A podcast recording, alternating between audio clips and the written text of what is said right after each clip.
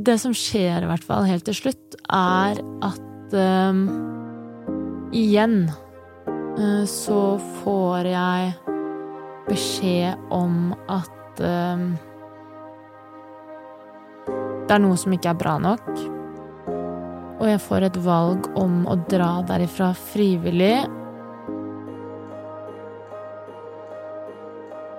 Eller at på en måte de vil gjøre noe med militære rullebladet, så jeg ikke kan fortsette min eh, retning og militær karriere.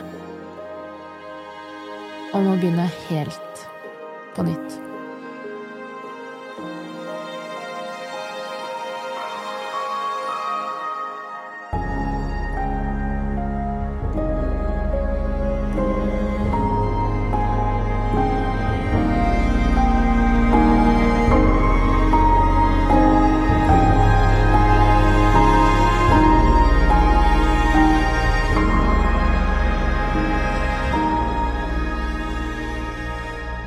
I dag skal vi snakke om i frykten for å starte på nytt.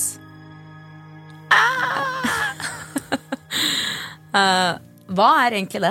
Hva er frykten for å starte på nytt? Det er jo en eller annen frykt om at uh, det er noe ukjent som du ikke helt har kontroll på. Du har mer kontroll der du står.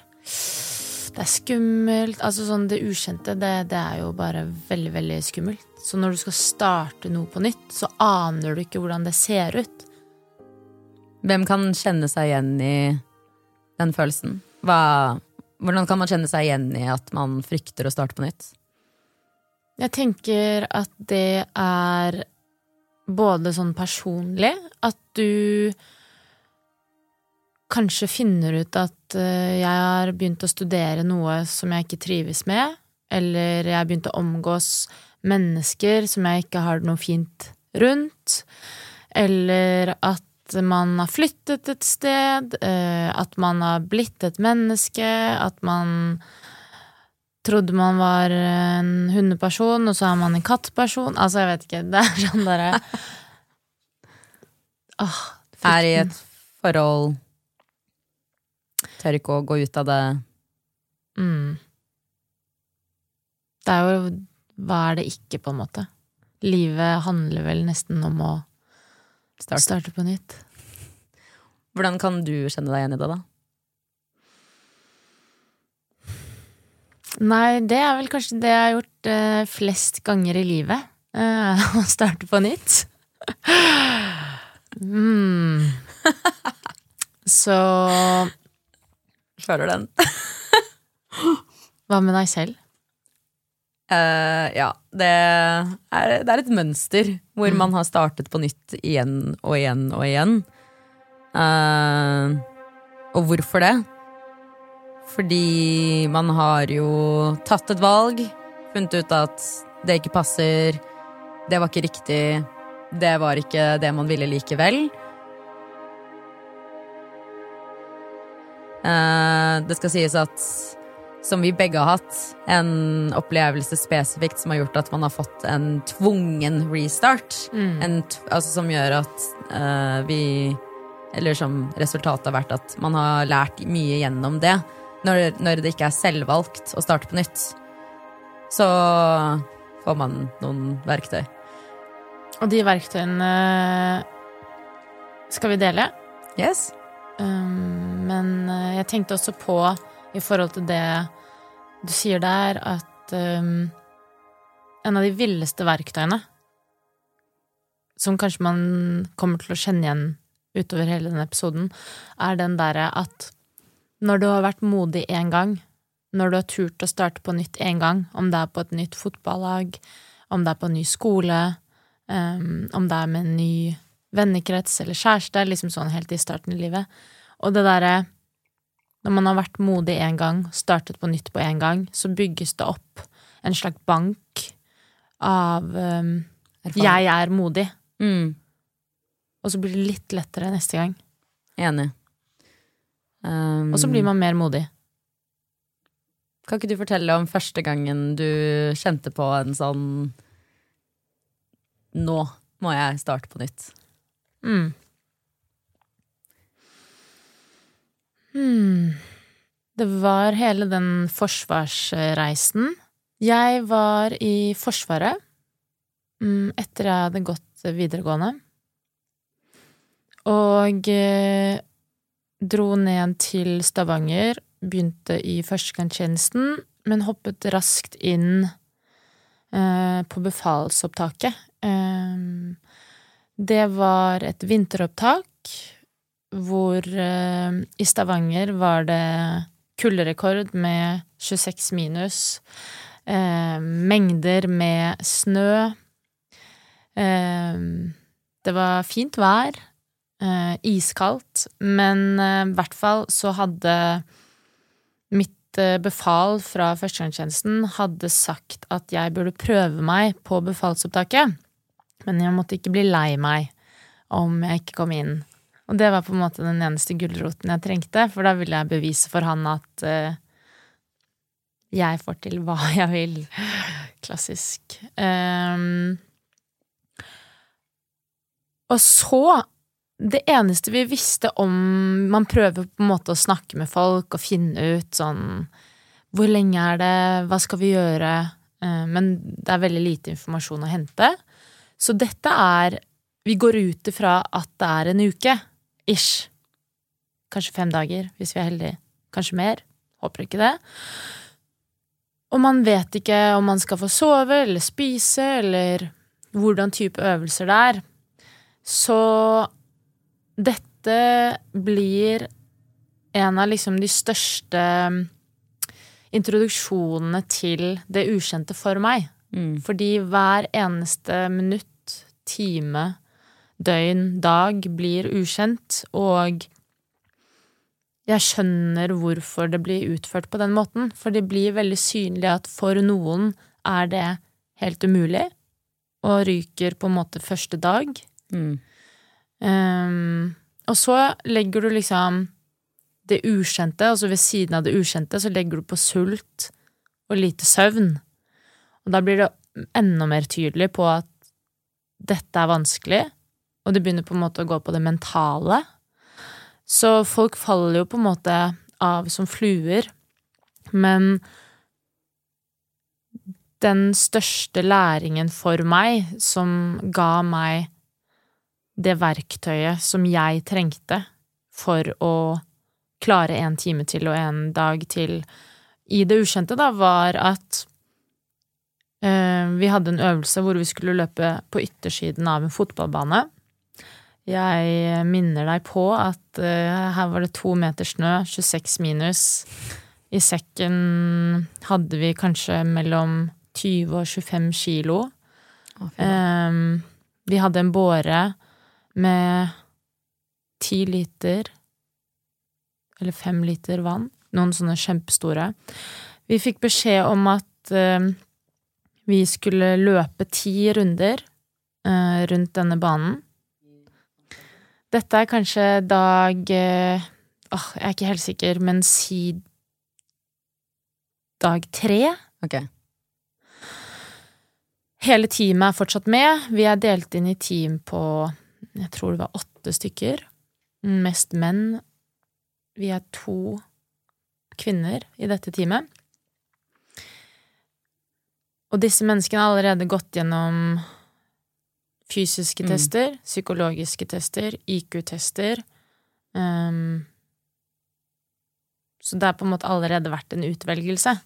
Så man kan vel si at det er eh, godt trente mennesker som stiller uh, ved min side. Um, og så spør befalet, tilbake til fotballbanen, hvor lang tid trenger dere på disse ti rundene? Mm, så sier hun som er eh, leder eh, for dagen, eller for timene, mm, at én time. Og så sier han at vi får typ 50 eller 40. Ehm, det må kanskje ha vært litt senere, for jeg husker også at han sier at hvis vi ikke gjennomfører, ehm, så er vi ute. Så vi må liksom klare det. Og så begynner vi å løpe. Med disse 20 kiloene på ryggen, den derre båra på ti i hånden. Det er så mye snø. Det er veldig, veldig, veldig veldig tungt. Og jeg har trent siden jeg er fem år og er sånn 19 år nå, så liksom jeg er i god form. Mm. Etter runde to så tenker jeg bare sånn, det her går jo ikke. Liksom, hvordan skal jeg klare jeg, jeg er ferdig, og vi har nettopp begynt. Og så tenker jeg at hvis jeg gir opp nå, da går det utover hele teamet, og det går jo ikke. Så la meg fullføre, og så kan jeg dra hjem. Vi fullfører til den tiden vi må. Jeg faller ned og forsvinner i snøen. Og eh, etter noen få minutter blir jeg veldig nysgjerrig på hva er neste utfordring. Jeg klarte jo dette. Hm, la meg i hvert fall se. Så nysgjerrigheten drar meg videre, og det skumleste og det tyngste til nå har jeg gjennomført. Det var jo ikke skummelt, det var jo bare Jeg bare ante ikke hva som kom til å skje, men det var jo veldig gøy å klare det. Tenk om jeg klarer én ting til. Hm. Så den tanken der ble med meg i mange timer, i mange dager.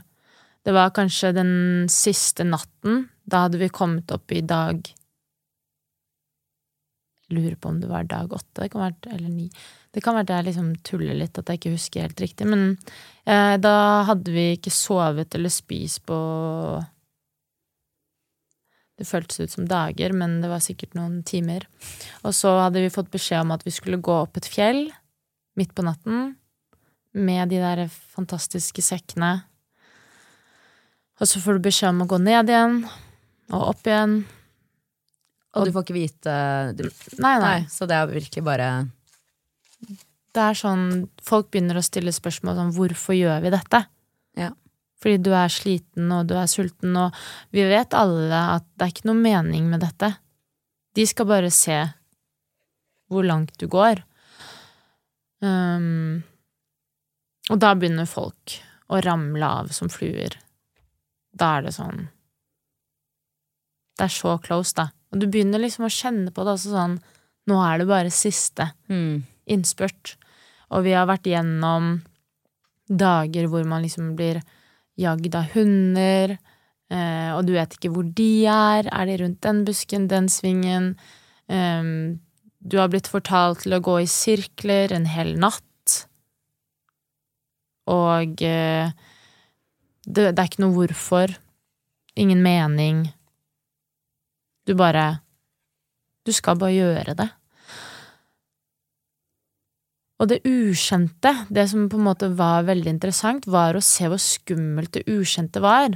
Selv om, hvis du tenker sånn rasjonelt på det, så du kan jo ikke dø, eller du kan jo ikke det skal jo ikke, Du blir jo ikke satt i en situasjon som er livsfarlig. Mm. Men det føles sånn på hele kroppen når du ikke vet hva som skal skje. Om du skal få sove. Jeg husker en person veldig, veldig, veldig godt, fordi eh, han gikk rundt og rundt utenfor teltet, og det var jo ekstremt kaldt, så du hører jo den der knirkelyden i snøen. Um, og jeg går ut, og så spør jeg liksom går det bra, hva, hva skjer? Han bare 'de kommer og henter oss, de kommer og henter oss'. 'Nå kommer de, de kommer og henter Altså sånn, det hadde klikka Ja. litt, da. Og så sa jeg sånn 'de kommer ikke og henter oss'. De har hentet et team nå. De er usikre på de. De skal finne ut. De må på en ekstra løperunde i natt. Fordi de er usikre på De er usikre ja. på de. Mm. Du skal hjem, jeg skal hjem, eller så er du videre og jeg videre. Ja. Så legg deg og sov. De kommer og henter oss, de kommer. Og han bare Jeg var bare sånn Du må legge deg, liksom. Og så går vi og legger oss. Jeg sovner som en stein og tenker sånn Det viktigste vi kan gjøre, er på en måte å sove. Og Ja, når dere først har muligheten. Ja, ja. og vi var jo så heldige som fikk sove. De andre måtte løpe hele natten. Og det der å se liksom hvor skummelt det ukjente var. Og for meg å liksom forstå at Men dette er jo helt naturlig. Selvfølgelig, det er skummelt, det er mørkt, det er kaldt. Kanskje ingen har vært ute og sovet på 26 minus før. Mm. Um, kanskje de ikke har vært hjemme fra før. Man er jo nettopp ferdig med videregående. Så den derre Man blir bare kastet inn i en helt vill, fremmed eh, skog med fremmede mennesker som du bare må stole på ved dag én. Hvis ikke du stoler på de, så er det på en måte fucked, fordi at det er de som skal Sammen må du komme deg gjennom disse utfordringene. Mm. Um, og det blir på en måte første læring for at dette er en helt naturlig følelse. Og jo, jeg måtte jo liksom møte denne følelsen hundrevis av ganger disse dagene. Og til slutt så blir det sånn Å ja. Det er bare skummelt i noen sekunder. Fokuset går opp. Du er helt skjerpa. Og så blir det på en måte et verktøy istedenfor et hinder til slutt, da. Det var jo en ganske heftig kickstart på en sånn håndtering da, av den type frykten. Fordi man der, Det var jo både litt selvvalgt også, da. At du, du gikk jo inn for det. Så du hadde jo en form for forståelse for hva du hadde signet up for, til tross for at du ikke visste altså sånn, hvordan opptaket skulle fungere. Men hvorfor skal man starter på nytt? For en som ikke velger å gå befal eller tar det valget selv, da. Eh, hva, hva Altså for en lærdom, da. Mm. Den opplevelsen der og erfaringen. Ja. Jeg tror det med at jeg fikk gjentatt veldig mange ganger å møte frykt og kjenne på det, um, og bli vant til det og skjønne at dette er en helt normal følelse, den, den ønsker at jeg skal overleve. Mm. Men um, vi er i liksom 2000-tallet, og det handler ikke like mye om å overleve som det det en gang gjorde. Og det å vite at hjernen vår prøver bare å holde oss trygg, og si at trygg er innenfor komfortsonen, da, Mm. så vil det jo hjelpe litt grann å vite at hjernen din vil gjøre alt for å holde deg inn i komfortsonen. Men hva om du har lyst til å utvikle deg? Hva om du har lyst til å bli eh, en bedre versjon av deg? Kanskje en snillere utgave av deg? Da Eller du har lyst til å begynne med å snakke foran folk, eller liksom disse klassiske skumle tingene. Da, da må du tørre å kjenne på den frykten, og du må tørre å hive deg ut i det ukjente. Og dette er episoden i Frykten for å starte på nytt med MK? og EXO.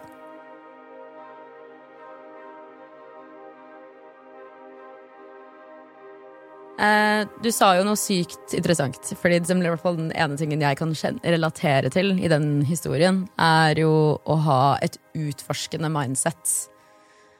Um, jeg kan ikke relatere til Forsvaret, men jeg kan relatere til um, å ta et karriereskifte.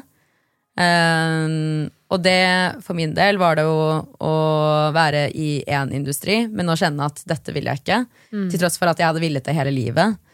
Uh, og da bestemme meg for å starte på nytt. Uten at jeg har for fullført videregående. Uten at jeg engang vet eh, hva det egentlig er.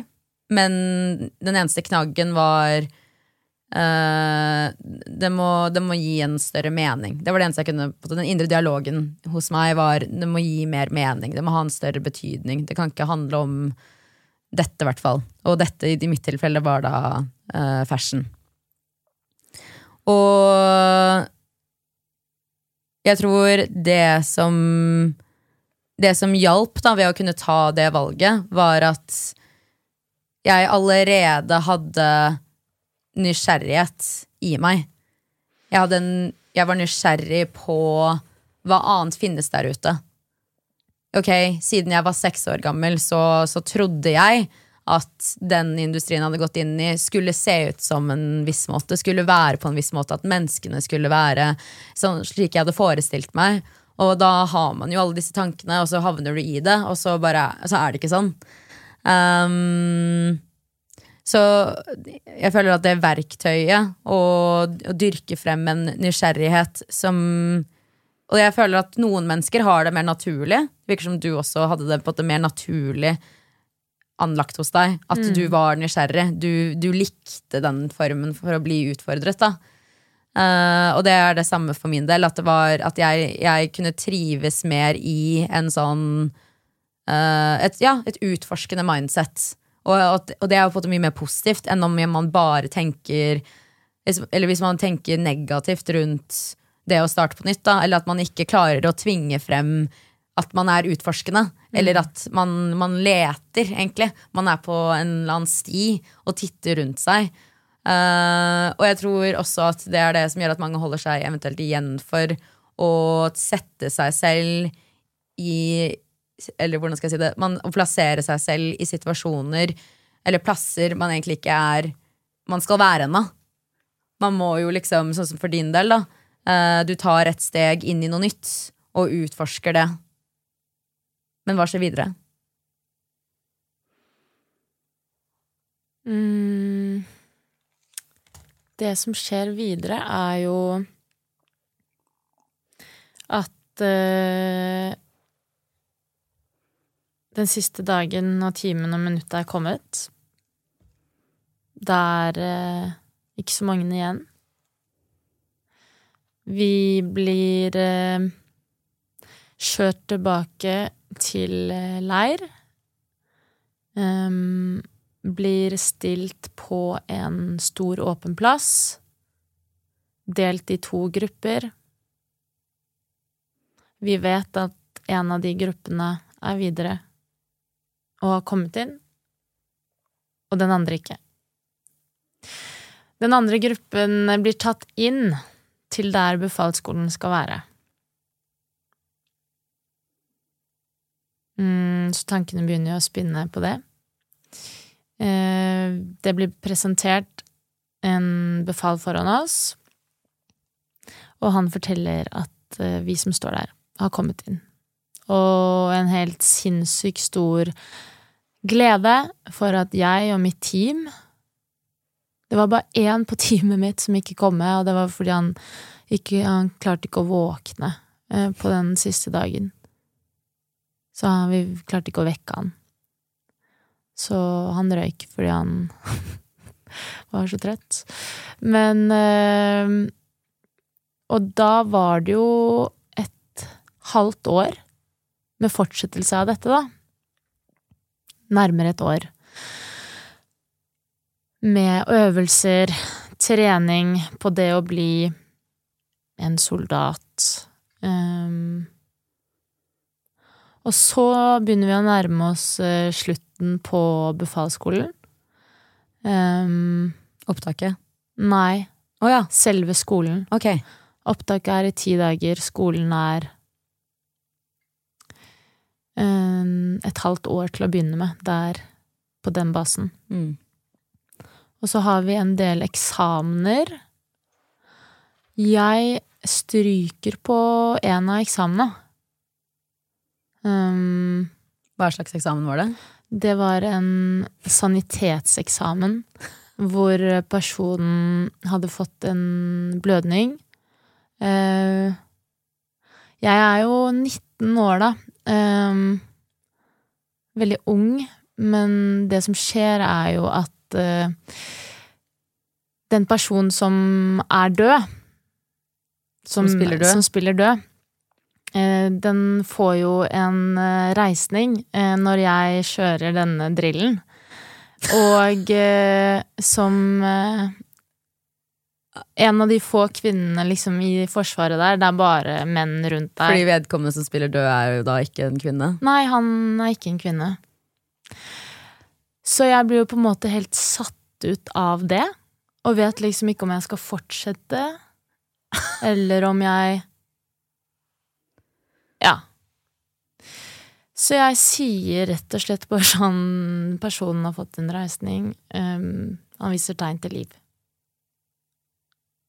Og så blir jeg bare Nei, nei. Det er jo helt latterlig. Um, bare ble jeg litt uh, Jeg kunne ikke se for meg at på en måte det skulle få meg til å stryke uh, på den eksamen. Men hvordan, hvorfor er det stryk? Fordi, hva var det du på Jo, fordi du må Du må gjennom hele drillen. Um, Å ja, du avslutter drillen på grunn av det som skjer? Ja. Å ja, så du gjennom du får, Ja, fordi du blir så satt ut? Ja. Ok. Og hva skjer når du sier at Nei, jeg bare blir bedt om å liksom gå ut. Altså, Å, ja. det, det Ok. Jeg vet ikke hva som skjer, på en måte. Eh, du har ikke så mye å si, da. Nei. Men ehm, det som er greien også, er jo at jeg får en um, Jeg får en ny sjanse, og jeg får det ikke til. Um, og det er på en måte første sånn ordentlig, ordentlig, ordentlig vonde tingen. Fordi hele mitt eh, liv, som da har vært i 19-20 år, så har jeg mestret det jeg har holdt på med. Og så blir jeg helt Det gjør så vondt i egoet. At jeg ikke får det til, og jeg skjønner på en måte at det som skjer mm, Man kan diskutere på en måte hvordan det skjedde, um, men uansett så blir det liksom et slag i trynet.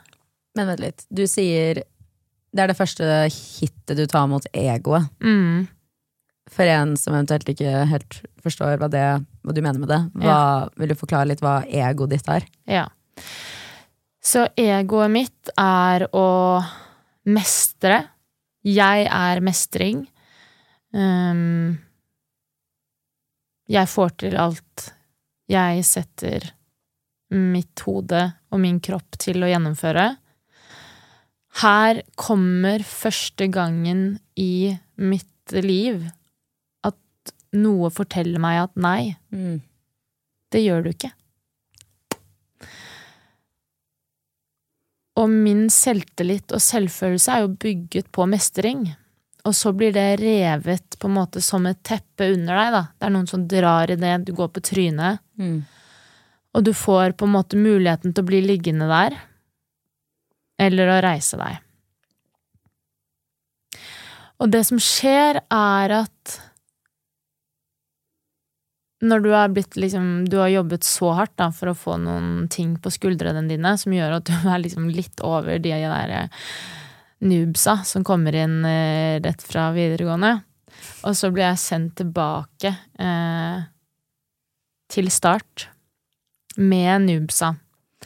Fordi jeg gikk jo rett fra førstegangstjenesten til befalsskolen, så jeg har egentlig ikke fullført førstegangstjenesten. Så jeg må være Jeg må være i Forsvaret et par måneder til for å få godkjent at jeg har vært i Forsvaret et år. Oi. Så jeg ble sendt til Bergen med helt nye kids eh, som kommer rett fra videregående. Jeg eh, synes det er helt vanvittig vondt, og det, nå snakker vi fortsatt om egoet. Det er sånn derre Jeg er bedre enn dere. Jeg har jobbet mye hardere enn dere. Hva i all verden gjør jeg ved siden av dere? Ja, så det er både en sånn indre dialog med ditt ego, da, som Mm. er bedre. Ja, Og føler at dette er urettferdig, egentlig. Yes. Ja. Kjempeurettferdig.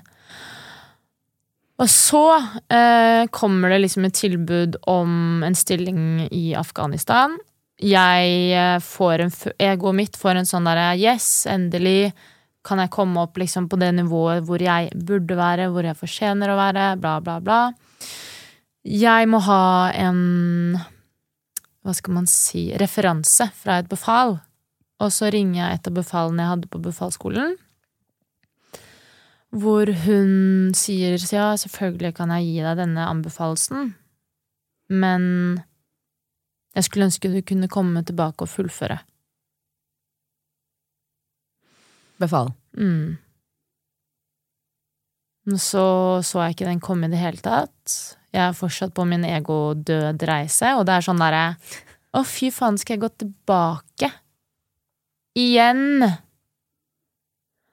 Og de jeg har gått uh, befalsskole med, kommer til å være mine offiserer. Ja. Og de liksom vet alt. Og så vet jeg ikke hva Jeg er fortsatt overrasket. Og jeg driver liksom og chatter med noen av de jeg gikk på befalsskolen med, som er sånn Det hadde jeg aldri gjort.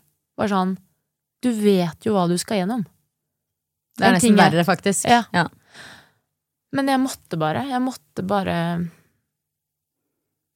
Det var nok mye ego liksom på det også. Sånn derre Greit. Mm. Halen mellom beina.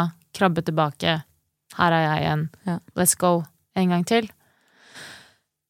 Um, og det gjorde vondt i hele Jeg vet ikke hvor egoet ligger. Det føles ut som noen ganger, og i liksom akkurat den opplevelsen der, så føles egoet ut som hele kroppen din, holdningen din, Ja. hvordan du bærer deg selv. Hvor det ligger i kroppen. Ja. Ja.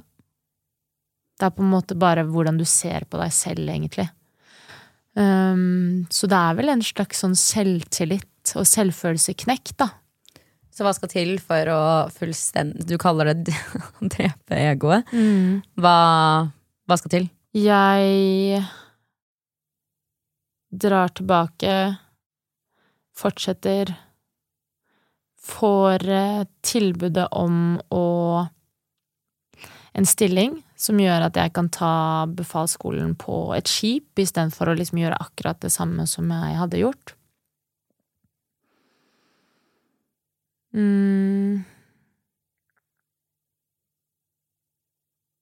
Der er jeg eneste kvinne. Jeg er på en måte vant med det i livet, så det går jo relativt greit. Og eh, Det er liksom en syk historie, men det som skjer, i hvert fall helt til slutt, er at eh,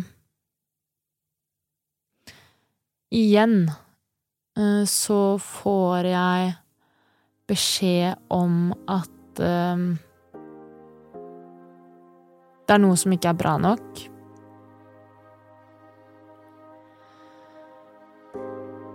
Jeg får et valg om å dra derifra frivillig.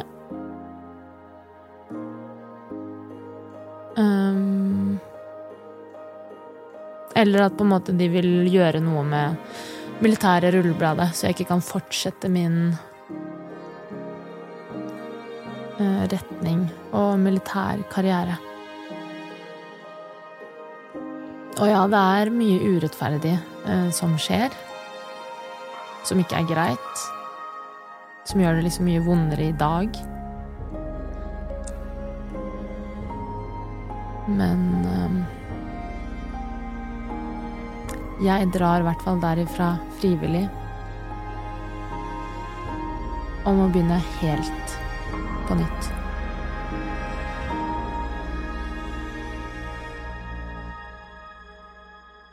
Hva var det øyeblikket for deg som for meg, hvor man sitter, eller jeg sitter på kontoret, hører den indre dialogen være sånn Du har ikke vokst eller utviklet deg på ett år.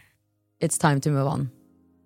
Um, hva var det blikket for deg, hvor du virkelig startet på nytt og tok et valg etter det som hadde skjedd? Først så måtte jeg reflektere over at um,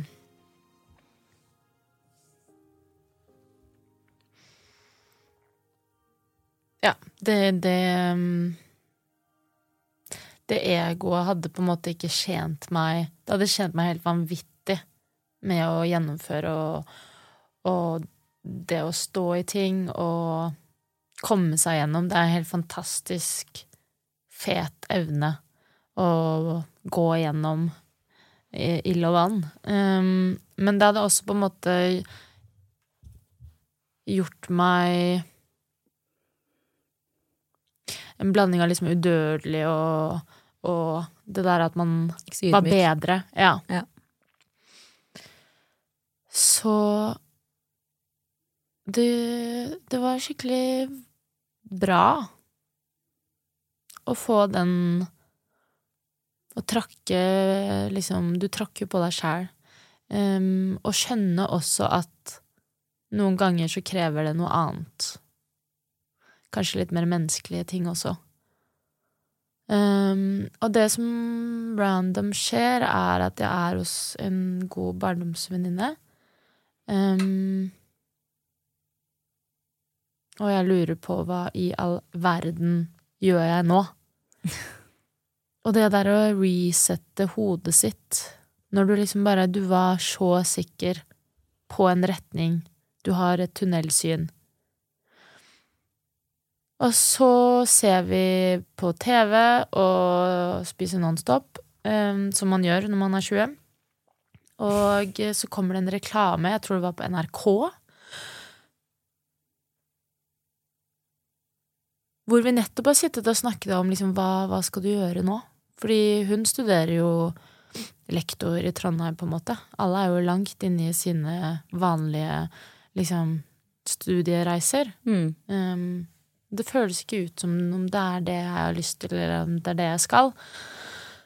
Og så er det sånn TV-reklame. Vet ikke du hva du skal gjøre til sommeren?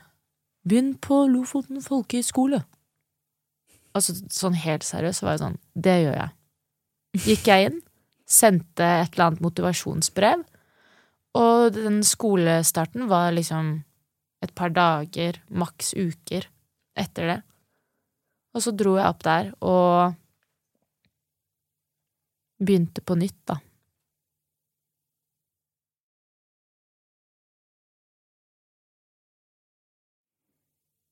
Og kanskje mest med å finne ut eh,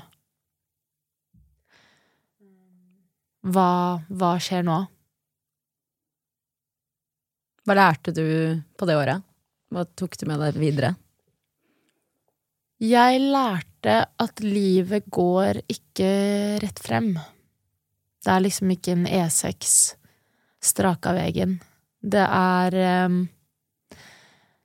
litt mer en helt uh, sinnssyk bratt opp eller nedover eh, sti som går sikksakk. Og det var veldig digg å skjønne det. Og det er vel litt sånn i sammenheng med det å starte på nytt. Fordi hvis du ikke starter på nytt, så går det på en måte rett frem. Men Mm. noen mennesker Kanskje mange, eller de fleste egentlig, men vi trenger å være nysgjerrige, teste og feile for å finne ut hva er på en måte min ting, da. Men det er det som er så interessant, fordi man vet det. At det er det man skal og bør gjøre. Men så gjør man det ikke. Fordi det er så skummelt. Jeg føler det er en forskjell da, i forhold til å starte på nytt. Fordi i begge våre historier i hvert fall, så er det det vi kan kalle en tvungen restart det som skjer deg, det som du ikke kan kontrollere, som gjør at du ikke har noe annet valg. Og da må man, man bare finne ut av det. Og da Dessverre så har man ikke verk Eller i hvert fall da det skjedde meg. For meg var det jo øh, Jeg valgte selv det karriereskiftet. Den sto på meg. Det som ikke sto på meg, var det som kommer rett etterpå. Eh, og det jeg kaller den identitetskrisen, meltdown-året, og hvor alt blir strippet vekk. Um, og for deg er det jo både karriere, men også ikke minst at du slår hodet. Eh, og hele den reisen. Og så er det de uh, valgene som man tar selv, som vi har tatt selv, som gjør at vi står overfor et nytt veiskille. Og egentlig, når jeg tenker meg om, så er det ikke sånn at selv om jeg valgte det, så betydde det ikke at jeg hadde noe særlig mer kunnskap om hvordan jeg skulle håndtere det. Men når jeg tenker tilbake på for eksempel um, det skiftet Eller hvordan håndterte jeg tiden etter 2015-2016? Hva var på en måte verktøyet som sto i fokus til å kunne klare å, å gjennomføre det? Og det eneste jeg virkelig kom på, er ordet drivkraft.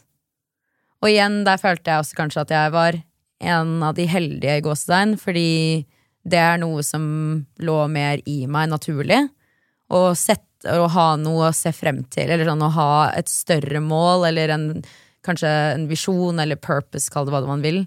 Uh, som gjør at du like, gjennom, uansett hva som faller på veien foran deg, da, så klarer du likevel å bare drive deg forbi.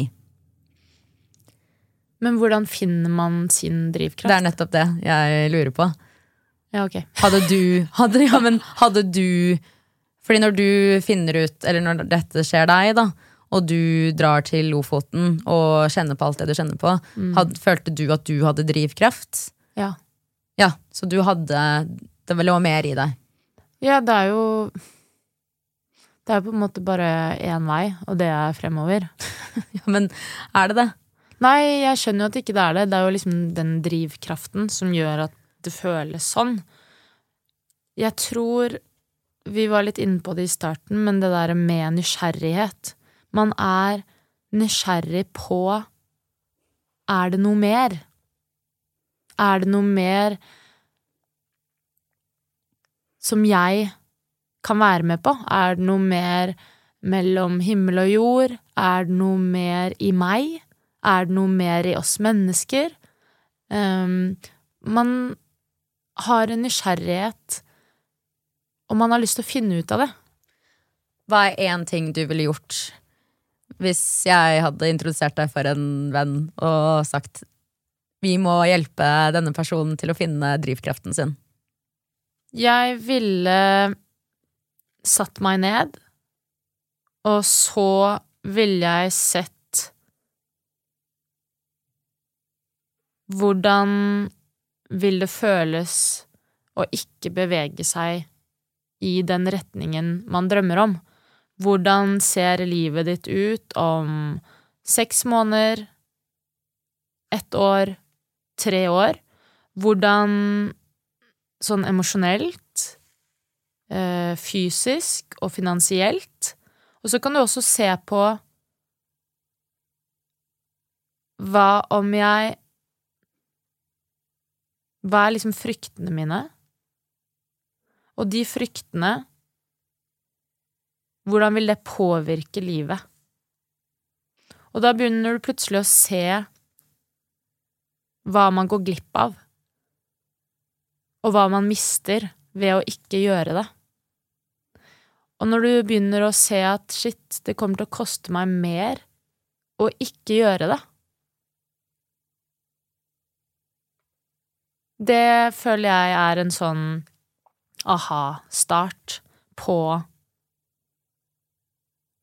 Istedenfor liksom det derre de fleste setter seg liksom goals, så burde du på en måte sette ned Her er fryktene mine. Å være fullt liksom Akkurat som dine mål, så burde du på en måte være fullt klar over mm. Her er mine frykter. Og de kommer til å gjøre alt for å stoppe deg for å nå dine mål. Når du vet det, og skjønner at sånn Ja, selvfølgelig er det skummelt å begynne på nytt. Fordi du aner ikke. Hele kroppen din skriker, men det er ikke noe spesielt rasjonelt. Det er bare sånn amygdala gjør for å passe på at du skal overleve. Og når du liksom vet det, da, hva er det da som hindrer deg? Men, men det jeg lurte på, da, i forhold til din drivkraft, hvordan finner man ut av ikke bare hva drivkraften er, men hva er, hva er det man drømmer om, og, og hva er målene? Hvordan, hvordan skal man finne ut av det? Hva gjør man? Og det er så sinnssykt godt spørsmål. Eh, fordi for min del så Jeg vet ikke hvorfor eh, det har alltid ligget hos meg. Jeg var kanskje Jeg kan huske å være fire år gammel og ha det nesten krystallklart i hodet hvilken vei jeg skulle gå. Eller sånn, ikke veien jeg skulle gå, men hvor jeg vil hen. Som jeg har sagt, endedestinasjonen. Um,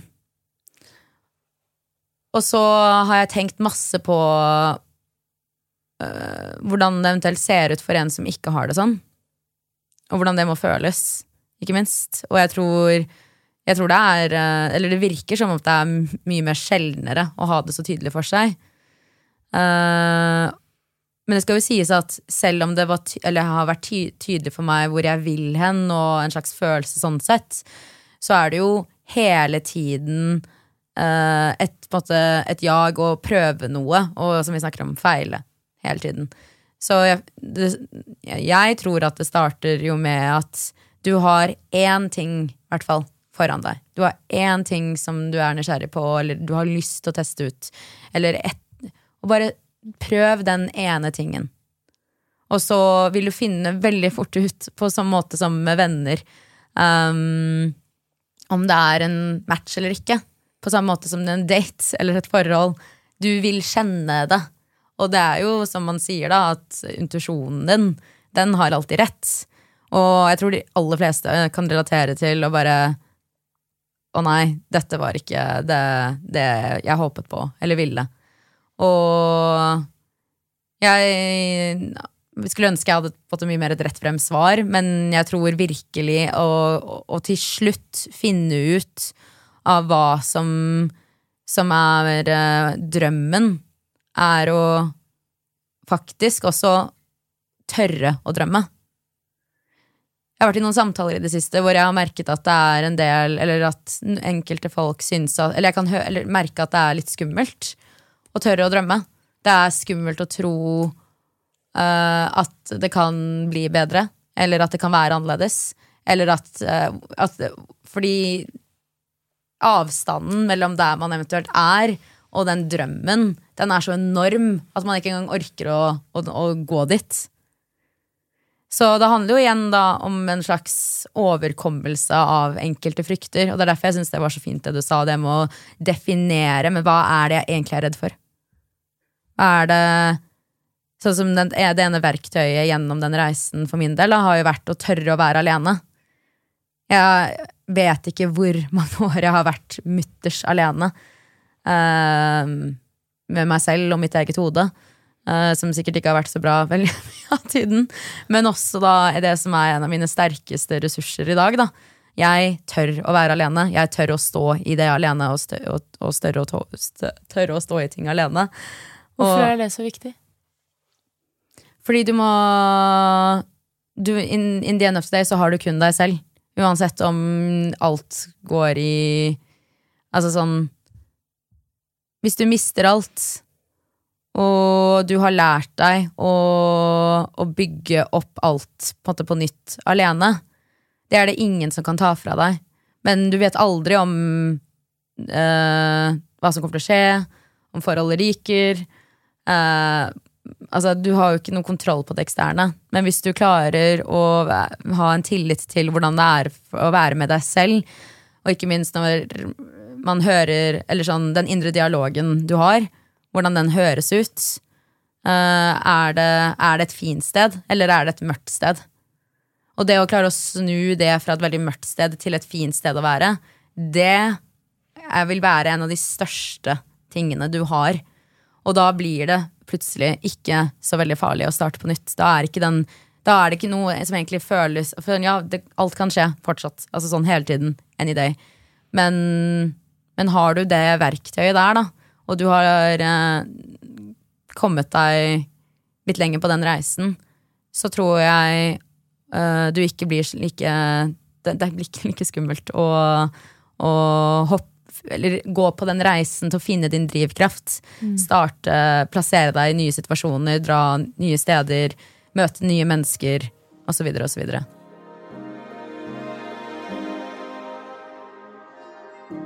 Men det jeg syns har vært interessant ved den samtalen her, er at det jeg innser ved å frykten for å starte på nytt betyr egentlig overkomme frykten for det ukjente. Fordi det er det som på en måte hindrer deg videre. Du er, i, du er på ett sted på kartet, holdt jeg på å si, og så eh, blir du hindret av frykten for at du ikke vet eh, hvor du skal gå hen nå. Og jeg har eh, en venn som eh, jeg vet syns at dette er sykt vanskelig. Vi snakker om det mye, og, og jeg merker at jeg forstår det. Jeg forstår det. Jeg virkelig jeg forstår det. Men, jeg, men det er vanskelig å få personen til å snu den, den frykten der til en nysgjerrighet. Det er hele tiden en type sånn samtalesdrilling, og vi går gjennom det igjen og igjen. Og det syns jeg er interessant å finne ut av. Ja, fordi det som blir spørsmålet da, er jo hvordan bytter man ut frykt med nysgjerrighet? Ja. How? Ja. Hvordan Nei, det Hvis du har en vekt, og så finner du ut at det koster mer å ikke være nysgjerrig. Si at du kommer ikke til å møte eh, så mange mennesker, eh, nye mennesker. Eh, man aner ikke om man kunne vært en god skuespiller, eh, danser, eh, bonde, gartner Altså, det er så mye man ikke vet, da. Og hvis man også går og ser på det gamle folk sier ved døden, som er 'jeg angrer på at jeg ikke turte', 'jeg angrer på de tingene jeg liksom lå og grublet på'. Og når vi vet at ved døden så ligger man og angrer på alt man ikke gjorde, drømte om, skulle ha gjort Men det føler jeg det vet vi. Men Men vi vet jo ikke det, fordi vi handler ikke på det. Nei. Kunnskap er jo ikke noe før du handler på det. så er problemet at folk At man, eller at, ja, at man ikke handler nok. Ja, som så gjør at man ikke Men det jeg tenker på, er at det her er både verktøy, eller det er mine verktøy, i hvert fall. Men det er også noen Det er jo enkelte ting her er egenskaper. Så først så må man jo faktisk da utvikle enkelte egenskaper. Men du utvikler jo ikke de egenskapene uten å gjøre det, da. Mm. Det, og derfor blir det verktøy. Ja.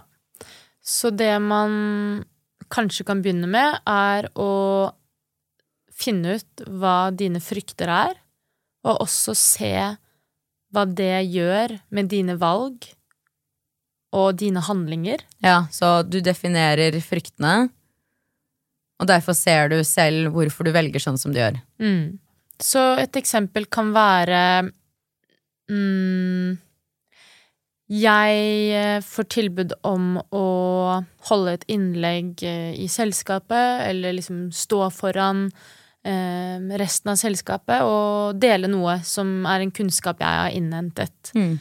Eh, jeg sier nei, fordi det er eh, ekstremt skummelt. Eh, jeg liker ikke å stå og snakke foran folk. Um, jeg kan drite meg ut. hva om jeg liksom glemmer alt jeg skal si? Og så bare begynner man med en sånn loop, da, hvor liksom Alt, som kan, alt som kan gå galt. Ja. Men så er det sånn Men hva kan skje om jeg gjør det? Så si jeg gjør det, da. Mm. Kanskje glemmer jeg å si hva jeg heter, men det er det minst viktige. Og du nailer hele presentasjonen. Kanskje ikke nailer du det, men kanskje nailer du noe av det, som er så bra at det blir stående applaus fra hele salen. Og neste uke så blir du spurt om du har lyst til å lede den nye forskningsgruppen, eh, innovasjonsavdelingen, what not. Altså sånn, du tør å gå inn i det ukjente. Du tør å møte din frykt med å snakke foran mennesker. Og idet du tør å møte den frykten, så kommer på en måte allerede neste utfordring. Men du vet allerede at du er blitt mer modig, og at frykten er mye fetere på andre siden når du har gått gjennom den. Og du har klart å få en deilig følelse.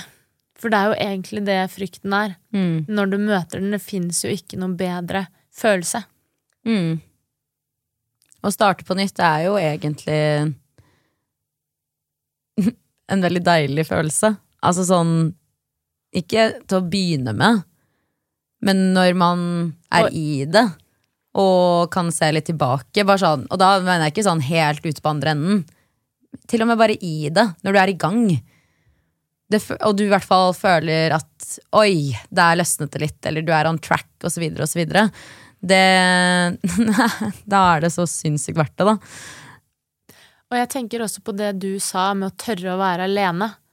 Fordi det å ikke bry seg om hva andre mener, Mm. det handler faktisk om å tørre å være alene. Og den egodødreisen som jeg nevnte, det handler om at jeg ikke kan bry meg om hva de andre mener. Det Ja. gjør så vondt for egoet å si at uh, du har lyst til å bli noe, at du drømmer. Ja. Fordi du tror at liksom Hvis jeg feiler, så vil på en måte alle få med seg det. Men hvis man klarer å slippe den derre tanken om hva andre mener, som man ofte må gjøre når man er alene, fordi det er bare deg, og det å bli komfortabel med 'dette mener jeg om meg selv', Mm. og når de følelsene om Si modig, da. At man har, man har turt å møte en frykt. Og så føler man seg mer modig. Om det er å bare be noen ut på date. For meg var det i fjor å hoppe fra timeteren. Hvordan, i forhold til å starte på nytt, Mm. hvordan bruker du den hendelsen? Nei, det er jo på en måte Det var jo Det var jo Det er så tullete i forhold til liksom de historiene, men sånn Jeg syns det var helt ekstremt skummelt. Fordi du hadde skadet hodet. Så Ja, Blant annet. sånn annet. at Ja, ja. ja. så, Så det kunne jo ikke skje igjen. Men jeg hadde også sånn Jeg hadde så lyst til å hoppe ned derifra. Men hodet på en måte Og amygdala og hele den I delen av hjernen skriker jo liksom 'ikke hopp ned'. Og så når du skjønner at hjernen gjør alt for at jeg ikke skal slå hodet igjen, fordi jeg er jo livredd for det, og ja, jeg har jo grunn til det, men jeg har bare lyst til å mestre frykten. At ikke frykten liksom paralyserer meg, og at jeg blir stående helt stiv av frykt. Men det er sånn Det er jo en trening, da. Akkurat som du går og trener muskler, akkurat som du går og trener på å være sosial, akkurat som du trener på kline, jeg vet ikke. Um, Du må jo Du må jo trene på det. Så kanskje man skal begynne å se på litt uh, sånne museskritt. Trene på å gå ut i det ukomfortable Eller liksom ukjente. du- du, ja, du- Jeg tror de henger sammen. 100% Men um, Ok, så Målet her må bli å overkomme frykten for det ukjente. Har, har du noe ukjente du må overkomme i nærmeste fremtid? Mm.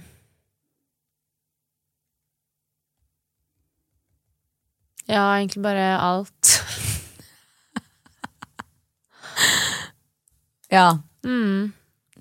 Alle, alle um, segmenter i livet er litt uh, ukjent akkurat nå. Den eneste som er ganske sånn uh, kjent, er meg selv. Det er jo et veldig godt utgangspunkt, da. Ja, jeg tenker at uh, jeg eh, Jeg står der, jeg, i stormen. eh, og står der etter stormen også. Eh, hva, hvordan det ser ut, det Jeg vet ikke helt. eh, men jeg, jeg tror det blir veldig bra, altså. Jeg har jo deg. Det har du. Så har jeg mange andre flotte folk. Og ting eh, blir jo mye mindre skummelt med flotte folk. Uh, jeg tror min starter på nytt, eventuelt. Uh, det er hele tiden, hele tiden businessen, egentlig. Det er hele tiden noe rundt hjørnet. Og hele tiden skru på et løsnings... At jeg bare, som eh, man sa tidligere i dag, eh, finner løsninger og ikke ser problemer, men bare se etter løsningene. Og her må jeg bare be deg, ja, du som eh, lytter, om å bare lytte sånn ekstra, ekstra, ekstra mye. For denne kan enten være super cheesy eller life fucking changing. Så Easy choice, hard life. Hard choices, easy life. Tenk litt på det.